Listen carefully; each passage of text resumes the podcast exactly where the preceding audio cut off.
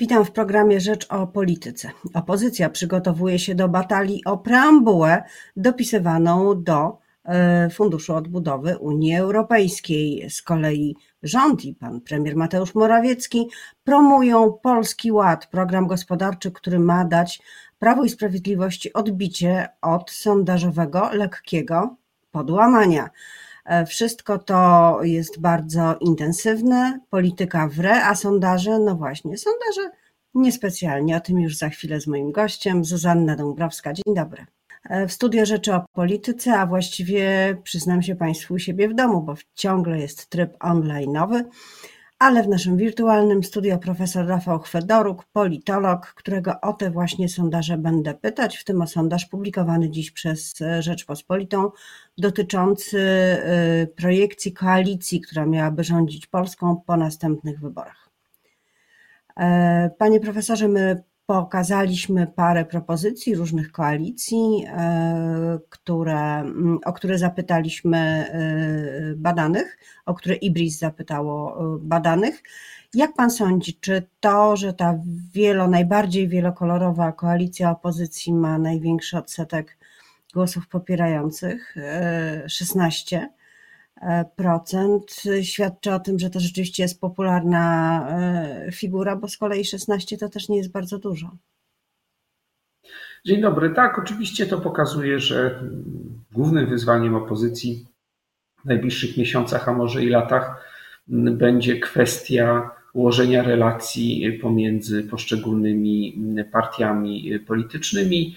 Na to nakładać się będzie także problem relacji wewnątrz największej partii mm, opozycyjnej, a ów sondaż zdaje się pokazywać, że wielu wyborcom opozycji towarzyszy pewna dezorientacja. Dezorientacja, która być może ma w ogóle permanentny charakter od momentu rozwiązania koalicji europejskiej przez Platformę i PSL, niejako kosztem, kosztem lewicy. Pluralizm opozycji stał się czymś, mm, czymś trwałym. Natomiast generalnie ten sondaż pokazuje tylko to, że, że Polską może rządzić albo koalicja, której podstawą będzie Prawo i Sprawiedliwość, albo koalicja z udziałem e, partii liberalnych i ewentualnie partii lewicowej. A to z kolei dowodzi tego, iż można zmieniać nazwy partii. Ugrupowania mogą zawierać różnorakie koalicje, a tak naprawdę per saldo w wymiarze pogłębionych podziałów socjopolitycznych wciąż te dwa same, te, te same dwa obozy od 2005-2006 roku dominują w polskiej polityce. No tak, ale zapewne działania lewicy, te ostatnie, to, to głosowanie w sprawie Funduszu Odbudowy Unii Europejskiej, być może wskazuje, że lewica próbuje ten podział przełamać i jednak tę trzecią opcję e, socjalną, gospodarczą, liberalną, światopoglądowo zbudować. Czy w świetle tych wyników e, i możliwych koalicji taka opcja jest w ogóle możliwa? Bo widzimy, że projektowana koalicja z PiSem no nie zyskuje wielkiego uznania lewicy. Myślę, że, że koalicja PiS-Lewica jest czymś, co możemy oglądać na poziomie poszczególnych głosowań, tak jak możemy na poziomie wielu z nich oglądać wspólne głosowania posłów liberalnych i, posłów konserwatywnych. Z wielu powodów taka koalicja jest, jako we właściwym rozumieniu tego słowa, koalicja niemożliwa. Wynika to i z postawy elektoratu obu formacji, szczególnie elektoratu e, lewicy. E, jest to także związane z tym, że po wprowadzeniu przez PiS ustaw, mm, no, dokonując pewnego skrótu myślowego, dekomunizacyjnych, myślę, że, że jednak pojawiła się pewnego rodzaju psychologiczna przepaść pomiędzy mm, tymi formacjami politycznymi. Więc nie powinniśmy na to patrzeć w kategoriach e, przyszłej koalicji, tylko raczej w kategoriach tego, czy mm, pojawia się wśród wyborców taka grupa, która mm, byłaby zauważalna statystycznie, a która mm, oczekiwałaby innego podziału niż ten, który jest. No i można w tym sondażu zauważyć, że, że, że pojawia się zauważalna statystycznie grupa, która wydaje się być elektoratem zorientowanym przede wszystkim na kwestie społeczno-gospodarcze, złożona tym niemniej w olbrzymim stopniu z osób niezainteresowanych polityką, a więc trudnych do, do pozyskania przed wyborami, ale sygnalizujących no na, na dalszą przyszłość coś nowego. E, bo wyjaśnijmy dokładnie e, ten, ten podział. E, wśród wyborców Prawa i Sprawiedliwości nikt nie wskazał na możliwość takiej koalicji, czyli lewica PiS, a wśród wyborców lewicy tylko 2%.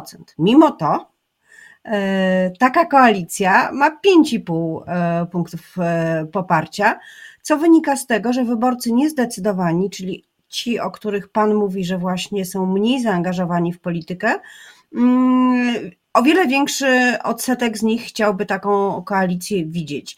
Także w generalnych podziałach, we wskazaniach koalicji, bardzo duża grupa osób jest niezdecydowana, mimo tego twardego podziału tej wojny i walki na opozycję i, i, i władzę. E, około 33% osób nie wskazuje żadnej koalicji, czyli nie odpowiada im żaden e, z wariantów. Kim są ci ludzie? Czy to są podobne grupy? A jeszcze, żeby, żeby trzecie miejsce niezdecydowanych wskazać, to wśród wyborców Prawa i Sprawiedliwości. 55% chciałoby powtórzenia koalicji Zjednoczonej Prawicy. E, no to jak na 100% wyborców, którzy popierają, no to jest, może być zaskakujące, ale znowu duża grupa jest niezdecydowanych. Dodałbym do tego jeszcze deklaracje frekwencji mało imponujące na tle w zasadzie rekordów bitych w ostatnich latach i to, to w różnych grupach społecznych. No, to pokazuje, że, że jeśli mamy jakikolwiek skutek pandemii w polskiej polityce, to jest to raczej pewne wycofanie wspomniana wcześniej dezorientacja. Prawo i Sprawiedliwość y, od y, swoich sukcesów w 2015 roku, a ostatnie kampanie pogłębiły to zjawisko, ma elektorat o tak naprawdę dychotomicznym charakterze. Obok wiernych, tradycyjnych wyborców prawicy, do tego ugrupowania doszlusowało wiele innych grup, przede wszystkim wyborców nęconych programami polityki społecznej, czy będących beneficjentami niektórych z e, reform. Są to wyborcy, których pozyskanie kosztowało politycznie Prawo i Sprawiedliwość dużo, choć przyniosło też znaczące korzyści, ale zarazem jest to elektorat trudny do zmobilizowania, a łatwy do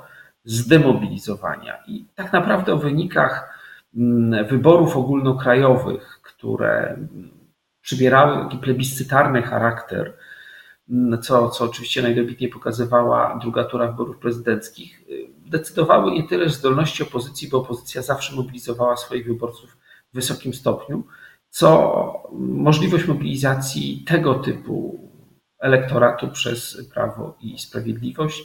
Więc tu widzimy pogłębienie tego, tego zjawiska. Wtedy się udało, a teraz być może, jak pokazuje ten sondaż, przestaje się udawać. E, pamiętajmy, że w przypadku tego typu wyborców bardzo istotne są ostatnie tygodnie i dni kampanii.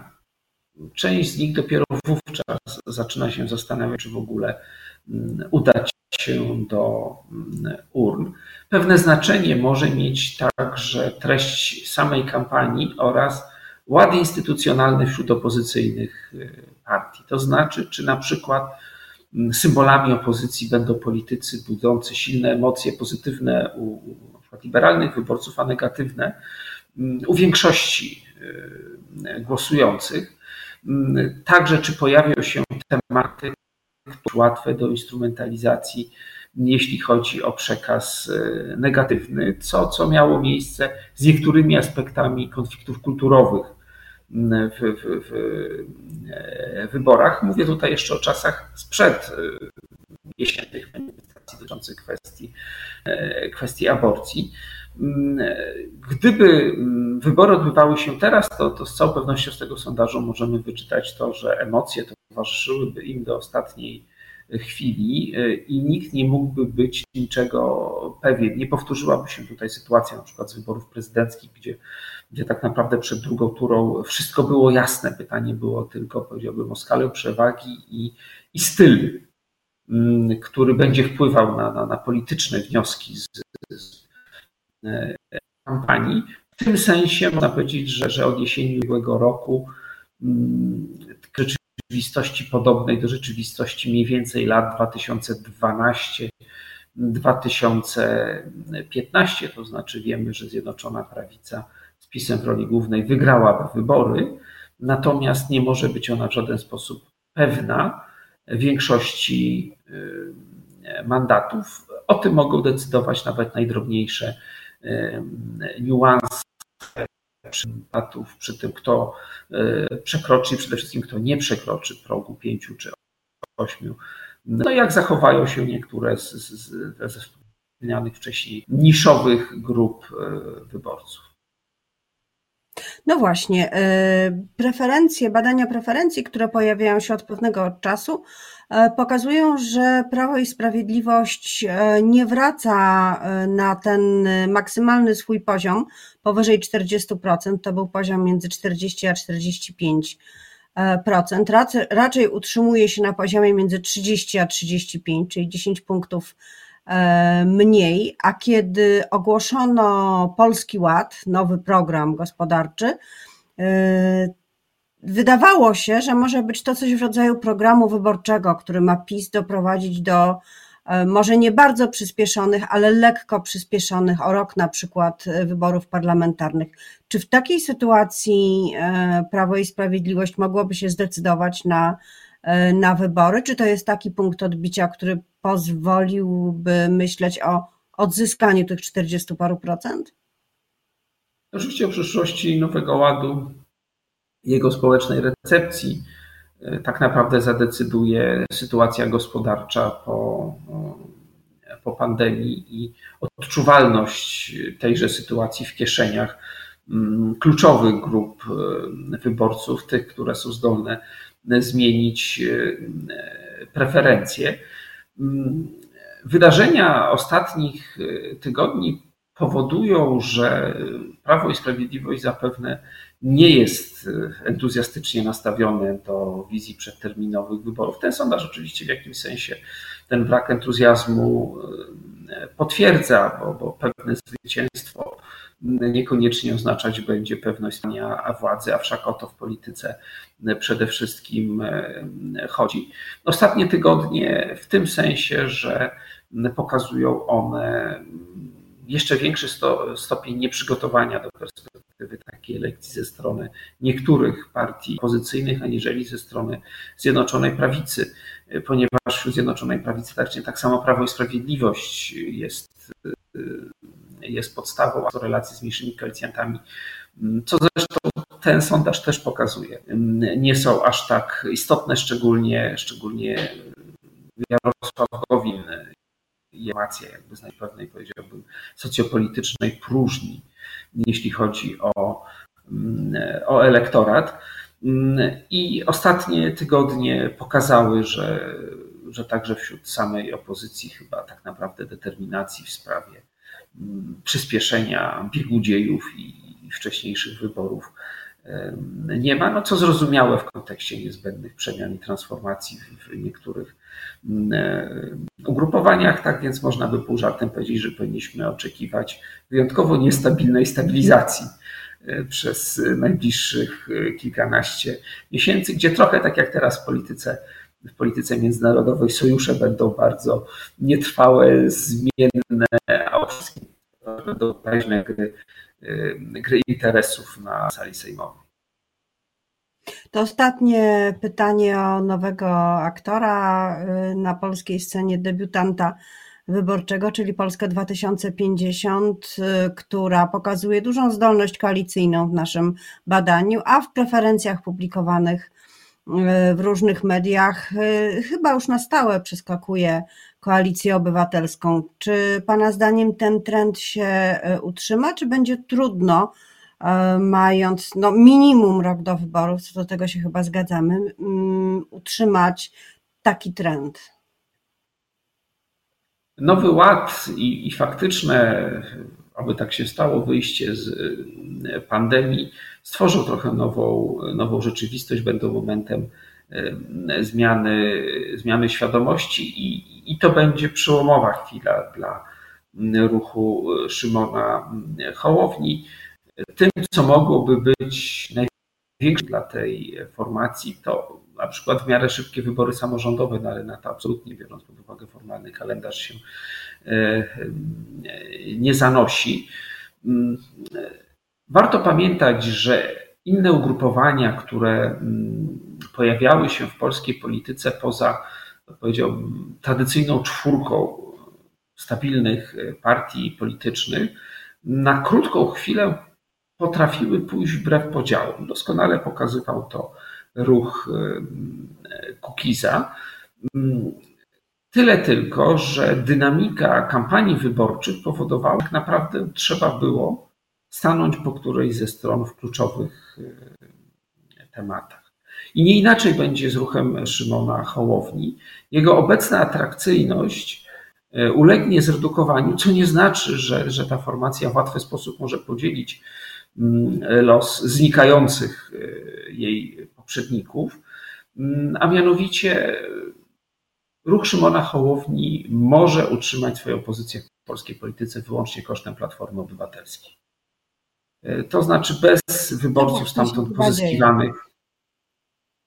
E, ta, ta, ta formacja bardzo szybko przestałaby odgrywać mm, większą rolę i to wśród opozycji może być nie mniej interesujące niż powiedziałbym przypominanie sobie ideologicznych odmiennościach pomiędzy liberalno-konserwatywną Platformą Obywatelską a, a socjaldemokratyczną lewicą. Mamy więc niestabilną stabilizację w polityce, chyba nic nowego pod słońcem, choć zawsze ciekawie się przyjrzeć, szczególnie w towarzystwie politologa. Moim gościem był profesor Rafał Chwedoruk, Uniwersytet Warszawski. Dziękuję. Dziękuję bardzo.